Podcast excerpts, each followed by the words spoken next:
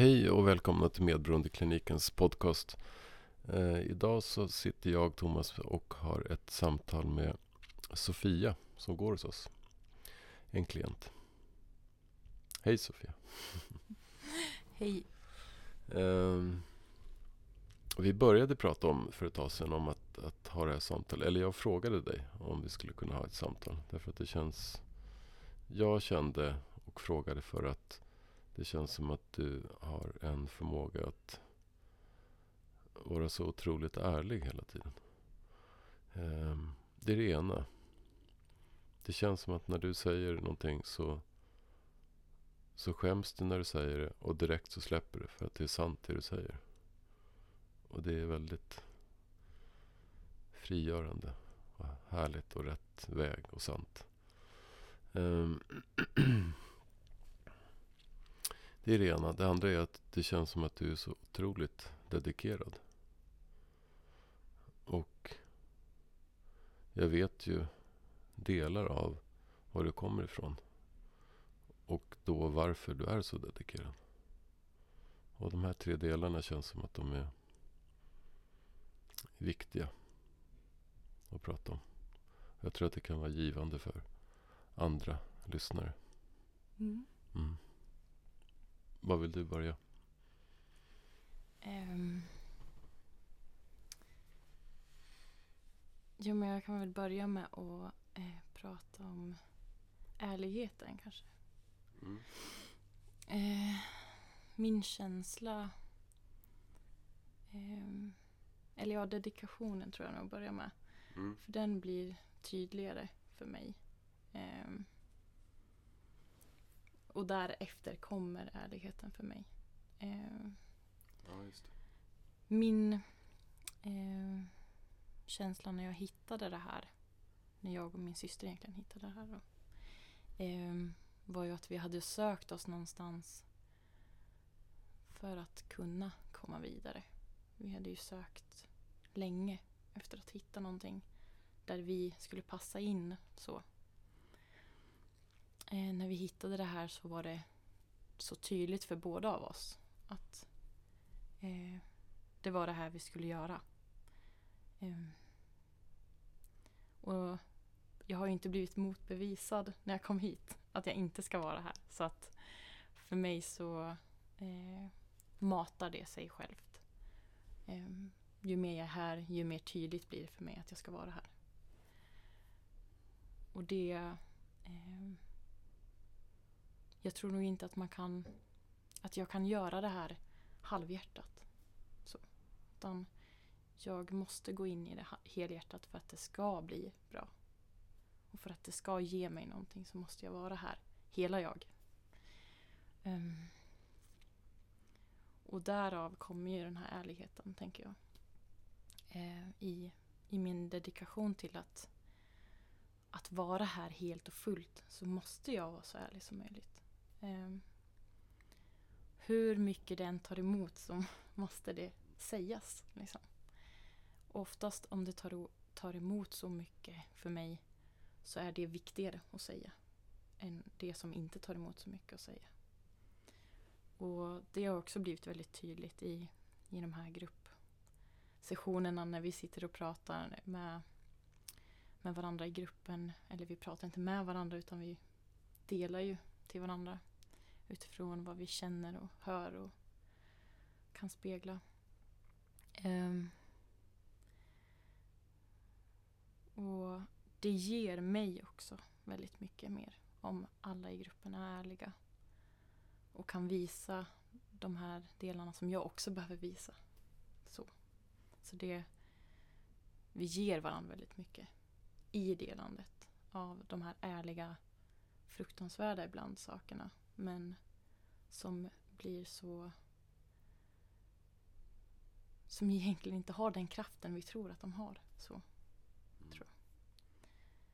Och där stärker ju det min dedikation ännu mer hela tiden. Så, så de håller varandra i handen. Den dedikationen, det kändes som att du kom in i den, du kom med den väldigt starkt. Mm. Var kommer den ifrån? Um, den kommer nog ifrån vilja att hitta mig själv. Min vilja till mig själv. Så. För vi, hela min syskonskara har ju känt det här att vi aldrig har blivit sedda och hörda på riktigt. Så när det äntligen finns någonstans där vi kan vända oss och vi tror, som vi tror kan vara det rätta så måste dedikationen finnas där. För annars så blir den overklig från början. Men om vi tar det för att det ska bli eh, lättare för en lyssnare att förstå vad, mm. vem du är och vad gör, du gör här. Mm. vad är ditt problem? Vad gör du här?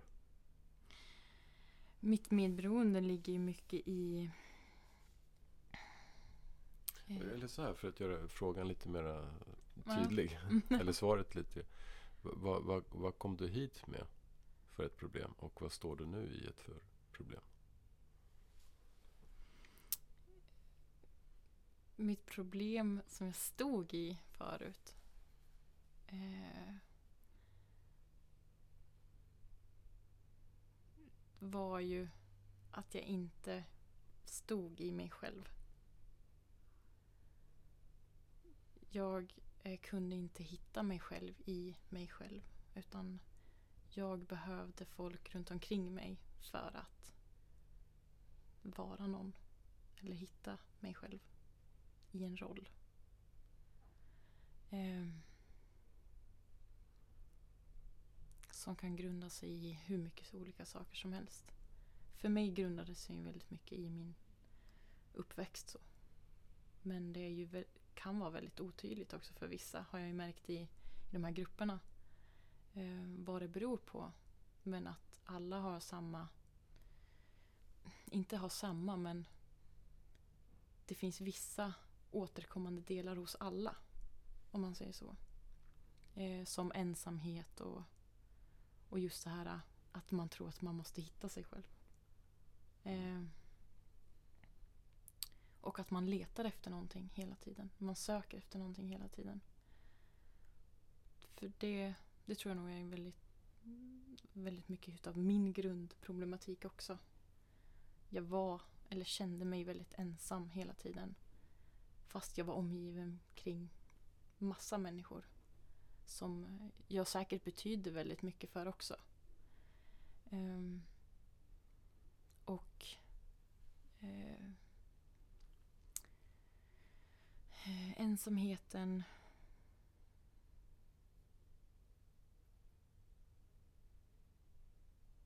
Blir ju inte bättre i det. Att man hittar massa yttre substitut hela tiden. Liksom. Det vart ju bara värre och värre. Liksom. Jag grävde ju ner mig själv. Ju mer jag var i det. Så. Um. Och kontra idag. Hur ser skillnaden ut idag? Markant tror jag. För mig är den markant. Eh,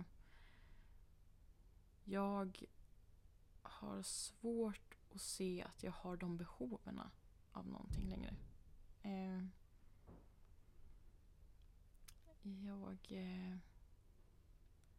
det är ju till väldigt mycket, när jag kan vara i mig själv eh, så har jag inte behov av yttre substitut för att inte vara ensam.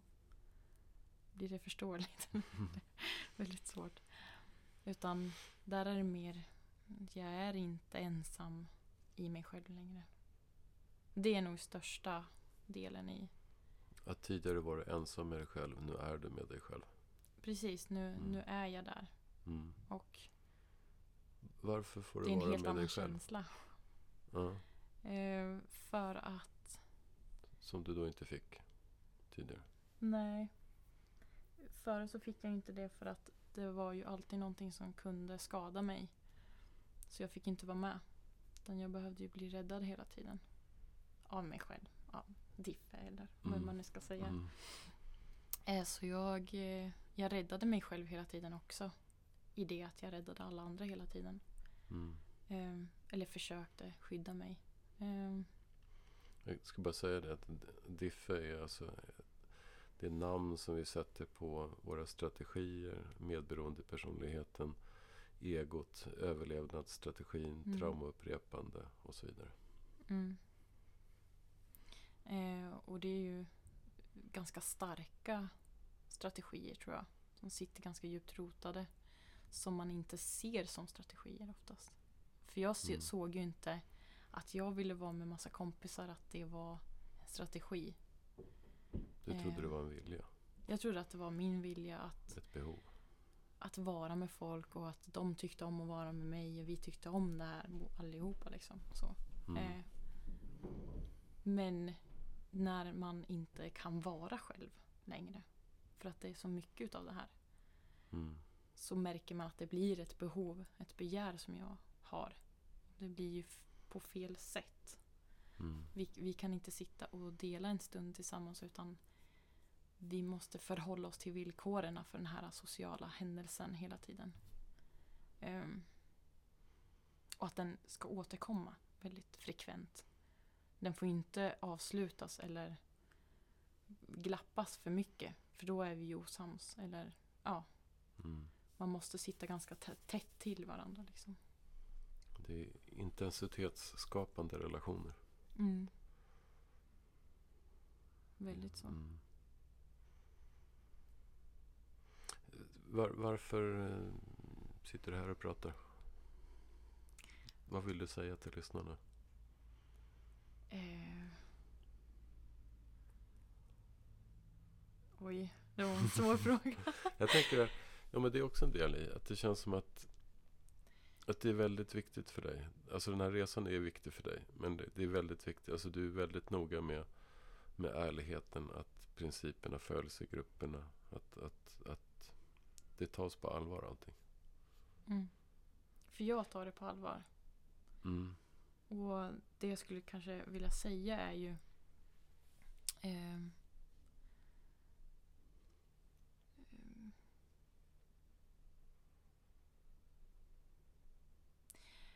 är ju någonting som jag inte kan det finns ingenting som jag kan planera i det här.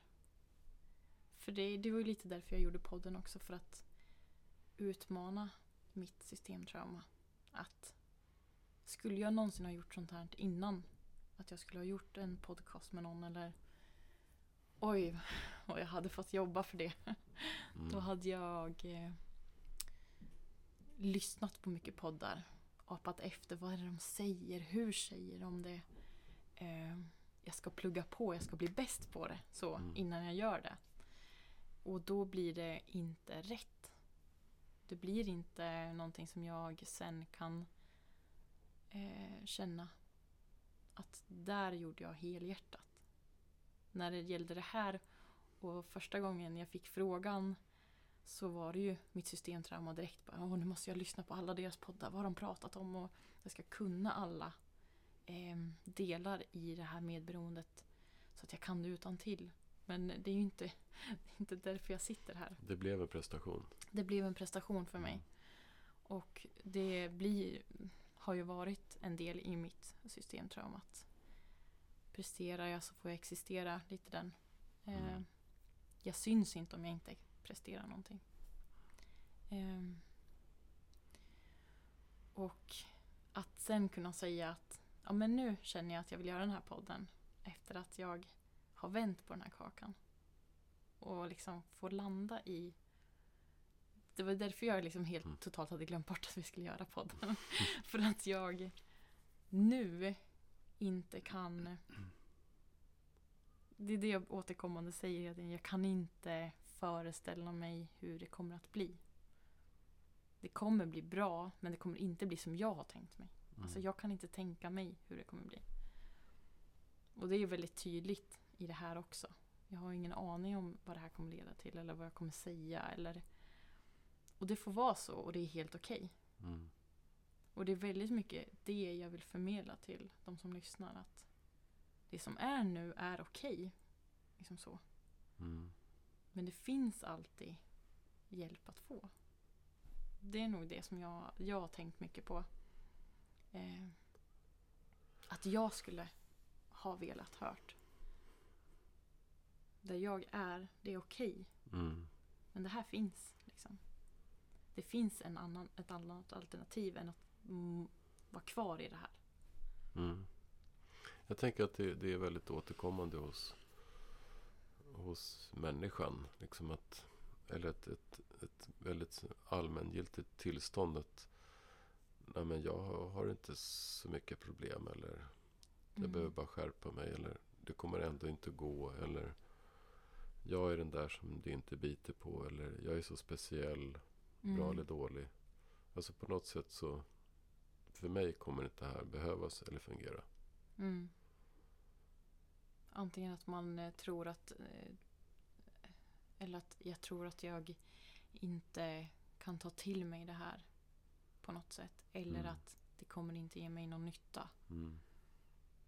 Men det är ju, det är ju de varningssignalerna som var starkast, tydligast också. Att man behövde det här Mm. för mig. Att när första samtalet jag skulle ringa till medberoendekliniken var ett väldigt frågesättande om varför jag skulle ringa. Mm. Alltså, och det var tydligt för mig då att det är därför jag ska ringa. För att varför skulle inte jag kunna ta den här hjälpen? Varför skulle jag frågesätta mig själv över min dåliga bakgrund Mm. när den är tydlig att det är något fel? Liksom. Och jag har känt i hela mitt liv att det är någonting fel. Ehm, varför ska jag frågesätta mig själv över det? Men det är den första reaktionen på att försöka bryta sig ur det här systemtraumat. Och för mig var det det. Att, att eh, jag satt där med telefonen, tittade på telefonen och sa Nej, jag har, jag har inte alls så svår bakgrund så. Nej, men jag har ett bra liv nu liksom. Jag mår bra, jag, jag har ett jobb. Jag har kanske en pojkvän på gång så här. Men var, var, var, var, varför ska jag vara med i det här? Mm. Sen ringde jag och det var ju tydligen exakt rätt plats jag skulle till. Jag hade nog inte kunnat tänkt mig något annorlunda Mm. än det jag gjorde. Va- vad är det svåra, läskiga i att göra behandlingen, resan? Jag tror känslan av att eh, man inte tror att det är på riktigt. Att någon försöker lura mig. Det var ju mina tankar. Eh, mina tankar var att det är någon som försöker lura mig på pengar. Alltså alla de tankarna som en, en normal människa har. Så här, kritiskt tänkande. Ehm, jag har ju liksom aldrig sökt psykologer någonsin. För att det har känts fel. Det har inte känts rätt. Ehm, jag visste att det var någonstans jag behövde gå och prata. Men psykologer har aldrig varit mig, för mig ett alternativ. Eh, för det känns inte... Om man säger så här, de egna eh, gångerna som jag har varit i kontakt med folk som har sökt psykologer eller liknande har de påtalat ett sånt stort letande efter rätt psykolog. Att, psykologen måste klicka med patienten. Liksom. Eh, första gången jag kom hit, det behövdes ju inte. Liksom. Eh, för det fanns eh, tydliga principer till exempel för hur behandlingen går till. Eh, och det, jag tror att många är rädd för att det är folk man inte känner också. Jag tror Mm. den ligger lite där också, gnider lite. Att ska jag sitta bland massa främlingar och vräka ur mig allt det hemska jag varit med om eller det jag behöver släppa på eller ska jag sitta och gråta framför massa folk. Det är ju helt orimligt. Men det är ju exakt den den eh, miljön som jag behövde för att kunna säga de här sakerna. Att ingen i gruppen dömer den andra. Ingen i gruppen är där för att skriva ner dina hemska berättelser och berätta för världen. Utan det handlar inte om det. Alla är där för sin egen skull. Liksom. Och jag tror nog inte att det hade gått om det var ett rum fullt med människor som jag kände. Det, då hade det inte gått. Mm. Nu hade jag turen och, och liksom så att eh, jag började min resa med min syster. Och vi kände varandra. Men båda vi var ganska klara med varandra innan att vi gör det här för vår egen skull. Och att det vi säger, vi kommer att säga saker som den andra inte har någon aning om. Det visste vi om från början liksom. Och hennes och min relation tidigare har ju varit så avstånds... Det har varit så stor, stort avstånd mellan oss innan. Så att vi är praktiskt taget nästan främlingar för varandra. Vi vet Mm. att vi är syskon. Men vi är inte nära varandra så Mm. innan i relationen. Och den relation jag har med henne nu skulle jag ju aldrig kasta bort. Vi har ju kommit så nära varandra som vi bara kan komma varandra utan att invadera varandra. Mm. Ehm, och det är otroligt skönt. Mm. Både hon och jag sätter gränser mot varandra hela tiden. Ehm, och vi kan dela stunder med varandra hela tiden. Istället för att invadera varandra eller ifrågasätta varandra eller sådana saker. Utan vi kan dela och det är en helt annan relation än vad jag någonsin har haft med ett syskon överlag. Mm. Mm.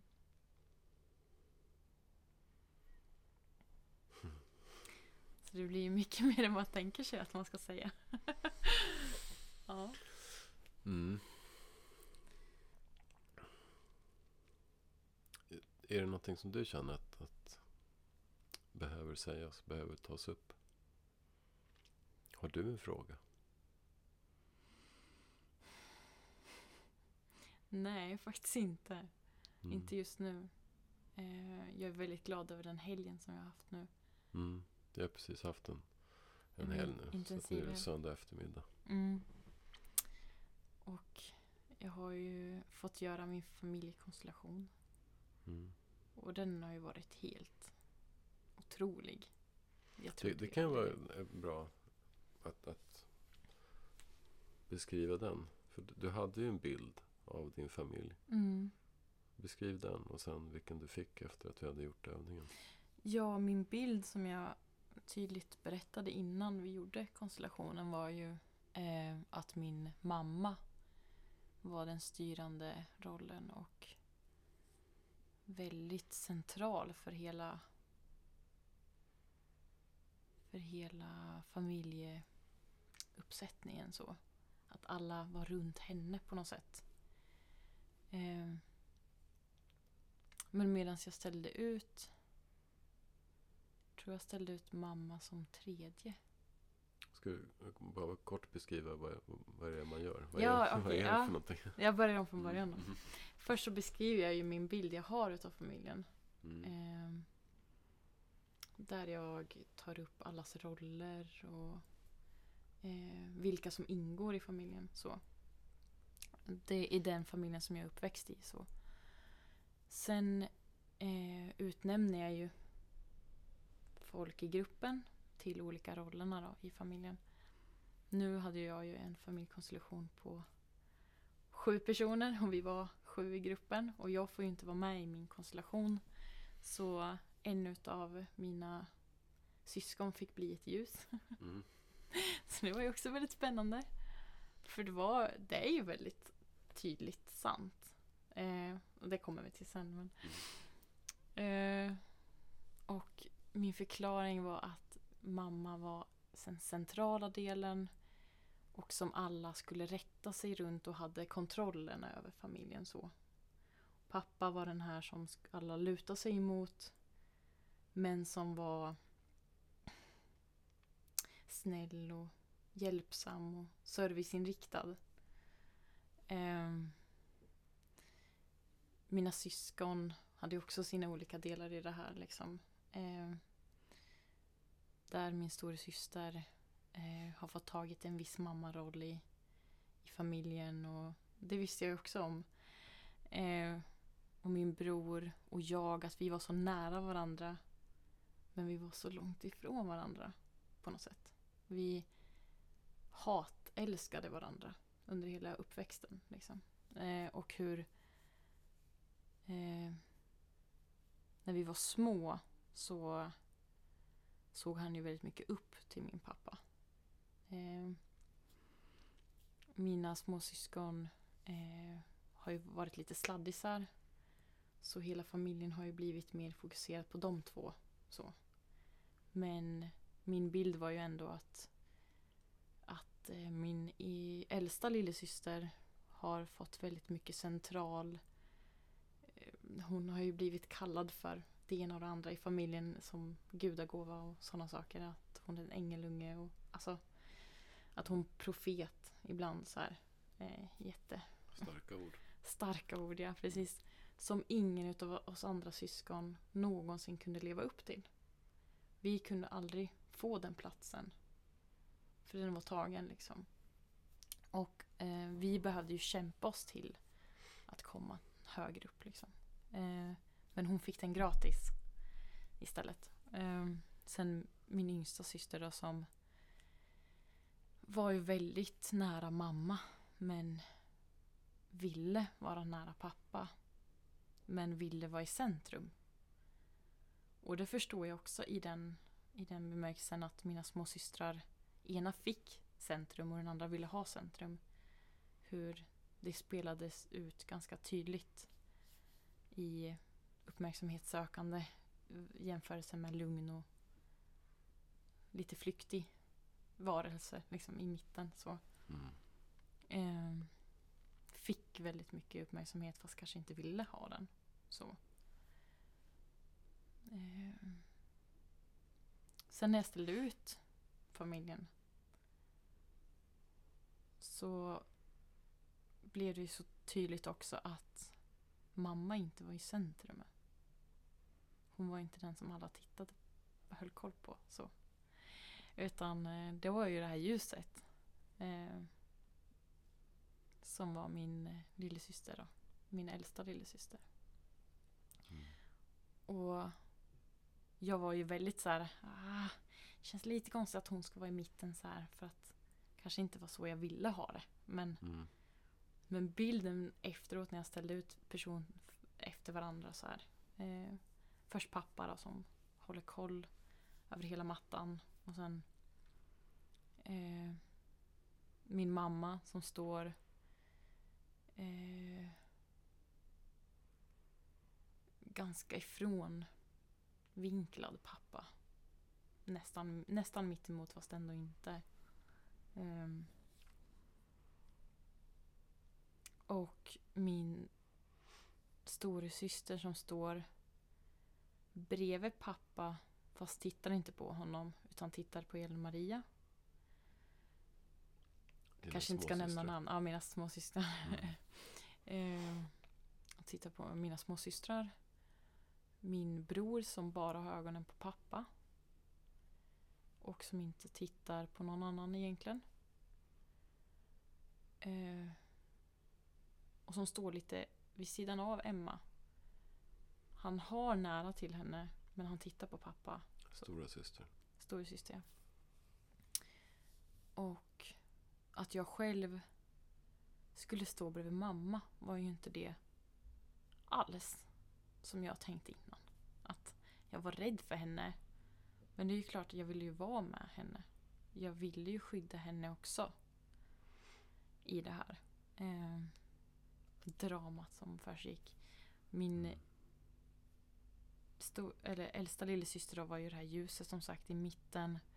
Och min yngsta lillasyster stod emellan mamma och pappa. Eh, mest riktad kanske åt mamma. Men ändå ville ha nära till pappa så. Hon var väldigt kluven. Så. Och för mig så vart ju bilden när den var klar väldigt tydlig. Det är så här jag har känt liksom. Men det var absolut inte den bilden jag hade innan jag gjorde eller ställde ut folk. För att Elin var i mitten var ju tydligt sen. Men inte För det är ju väldigt, väldigt tydligt också sen när jag tänker tillbaks från den bilden jag fick hur det har varit i familjen där alla har varit väldigt måna om mina små syskon. De har varit väldigt mycket i centrum båda två. Alltså att eh, och Emma har ju varit den primära som vill rädda de två. Eh, så det var därför hon hade full uppsikt över bara dem och ingen annan i familjen. Så hon såg ju om pappa eller mamma skulle angripa dem. Men hon såg ju dem liksom. Eh, ja, det, det vart ju en väldigt tydlig bild av det i alla fall.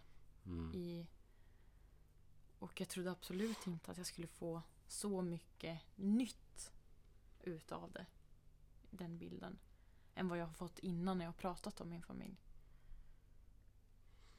Jag tänker att eh, hur du hade en bild om makten och positionerna liksom, i familjen. Mm. Att mamma hade makten och alla andra hade en, en viss typ av positionering. Men att när du ställde upp den så såg du att, att mammas makt var ganska marginaliserad. Mm. Det såg ut som att det var hon som... Väldigt liten. Men hon var egentligen bara ett, ett redskap för det som skedde eller inte fungerade i familjen så att säga. Mm. Och att pappa var mycket mer central, hade mycket mer kraft och makt. Mm. Han gjorde ju minst ljud ifrån sig också. Mm. Eh. Men han... Enligt vad jag har bearbetat den här helgen så kan jag se att han satt på mer makt över hur saker och ting skulle spelats ut i familjen än vad han tror att han hade. Mm. Eh, alla var ju på, på sina platser under den här tiden. Eh, men jag ser också att mammas eh, makt, om man nu Mm. ska säga så då, Mm. var ganska direkt men kort. Mm. Pappas var ganska diffus och väl, gjorde väldigt, väldigt ont. Men Mm. var inte, inte synbar. Den var väldigt diffus liksom. Eh, man visste att man hade blivit till, alltså illa gjord av någonting. Men man visste inte vad. Hela tiden. Och det kände jag ju väldigt tydligt nu när vi pratade om, om just det här med känslomässig incest. Mm. Att, eh, att det kan göra så mycket ondare än fysisk eh, till alltså, Fysiskt våld. fys, fysiskt våld över, Mm. överlag. Liksom. Mm. Eh, för det är ju någonting jag kan se och ta på. Mm. Att det är det här som har hänt. Eh, den här känslomässiga incesten blir så lurig Mm. och så ja, flyktig på något sätt. Så att när, när man ska försöka hitta den och ta på den så finns den egentligen inte där. Mm. Får springa efter den. Typ Mm. så. Va- Vart börjar den och vart slutar den? Det vet jag inte riktigt. Så här. Alltså det är mycket det som, som en sån här fam- familjekonstellation handlar om. Det är att hitta hur positioneringen eh, ur ett känslomässigt, psykologiskt perspektiv ser ut. Mm. Eh, och där kan det se ut som att det är någon som, som gör illa, så att säga, på något sätt. Men det är den som skapar, eller det som skapar den som gör illa, som bär makten. Mm. Och vad den gör, den som bär makten, det är att den ger roller och positioner och identiteter Mm. till alla i familjen genom att, att ge sig själv en roll, en identitet. Så att du måste. Mm. Om jag tittar på dig och tycker synd om mig Mm. Så måste ju du känna skuld för att det är synd om mig. Mm. Om jag tittar på dig och tycker synd om dig, ja, då måste det ju vara fel på dig eftersom det är synd om dig. Och då måste jag ju hjälpa dig. Mm. Och då är inte du kompet- kompetent att ta hand om dig själv. Men jag kan göra det åt dig. Ja, precis. Och det är så vi liksom går över gränser. Och det är det som menas med känslomässig incest. Mm. Att man går över gränser där eh, man som förälder inte kan ta ansvar för sig själv och sina känslor. Och behöver sina barn Mm. för att på något sätt slippa sin skam. Eller bli hjälpt eller binda sitt barn till sig på något sätt. Mm. Jag kan ju se det i många delar utav hur pappa tog hand om oss. Så. Mm. Eh, Den här service-minded som han trodde var så fin och så osjälvisk. Liksom. Det var Mm. så, han var så givande hela tiden. Han gav oss allt vi ville ha hela tiden. Mm. Att det kan skälpa så mycket. Eh, för det ger ju en underliggande att jag bär en skuld till honom för att han gör allt det här för mig. Mm. Eh, och i Emmas fall kan jag se också den här att han jobbade ju väldigt mycket under den här perioden. Han var ju egen bonde, han var ju oftast borta. Och hur han tvingar Emma till att bli den här surrogatmamman till sina syskon. För att han är inte förälder där som ser vad som händer och ser vad som sker. Och ser att, att mamma inte klarar det här själv. Liksom. Mm. Ehm, Så det är mycket, mycket sådana tankar. Mycket sådana känslor som bubblar upp. För mig. Mm. ehm, kring det. Liksom att det, det blir tydligare och tydligare hela Mm. tiden.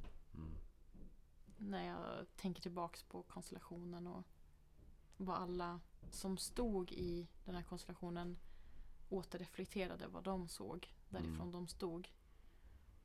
Också den här tydliga markeringen från mamman där att jag har ont. Liksom.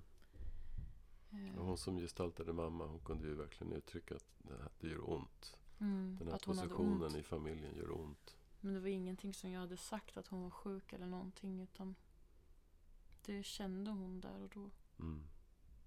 För det var ju någonting som var väldigt tydligt från mammas håll när hon pratade med oss att jag tål inte höga ljud. Jag har ont när jag vaknar på morgonen. Hon var väldigt tydlig med hennes behov av tystnad och eh, att få vara. Mm. Att få en distans till oss. Eh, så på något sätt så har hon varit tydligare mot oss i den här biten än vad pappa har varit egentligen. Mm. Eh, För hon var sjuk. Och hon behövde ha en distans till oss. För att inte överföra det här på oss. Och det var ju vi som ville närmare henne. Och som det var där och då det hände. Liksom. Mm. Någonting. Där hon egentligen markerar att kom inte för nära mig. Liksom hela tiden. Mm. Så för mig så blir det tydligare hur mycket ärligare det har varit från mammas håll. Genom att hon har gjort så. Mm. Och att det blir tagbart. Liksom att hon egentligen visat ganska tydligt att, att hon klarar inte av det här. Och bilden du hade innan var motsatsen. Bilden var väldigt mycket motsatsen. Mm. Bilden var att mitt liv är uppbyggt efter strategier för att inte störa mamma. Eller att, att förhålla mig till henne var det som hade byggt upp mina strategier, trodde jag. Mm. Men det var ju strategier som kommer och har anammats från pappas sätt att hantera mamma. Mm. Så jag har ju blivit pappa. Mm. För att jag fortfarande tror att jag lever med mamma. Mm. Men det, det stämmer inte. Traumat är inte där längre. Mm. Och det är väldigt tydligt nu. Mm. Som sagt. fascinerande. Ja, väldigt fascinerande. Mm. Mm. Det känns som att vi skulle kunna prata om många delar och många saker och mycket av det som har hänt i helgen och sådär. Mm, Men jag väldigt. tänker också som, som lyssnare att man ska processa det man hör och då får det inte bli för många delar. Nej. Det får ta sin tid. Mm. Så vi får prata igen en annan gång. Det får vi göra. Tack för idag Sofia. Ja, tack själv Thomas.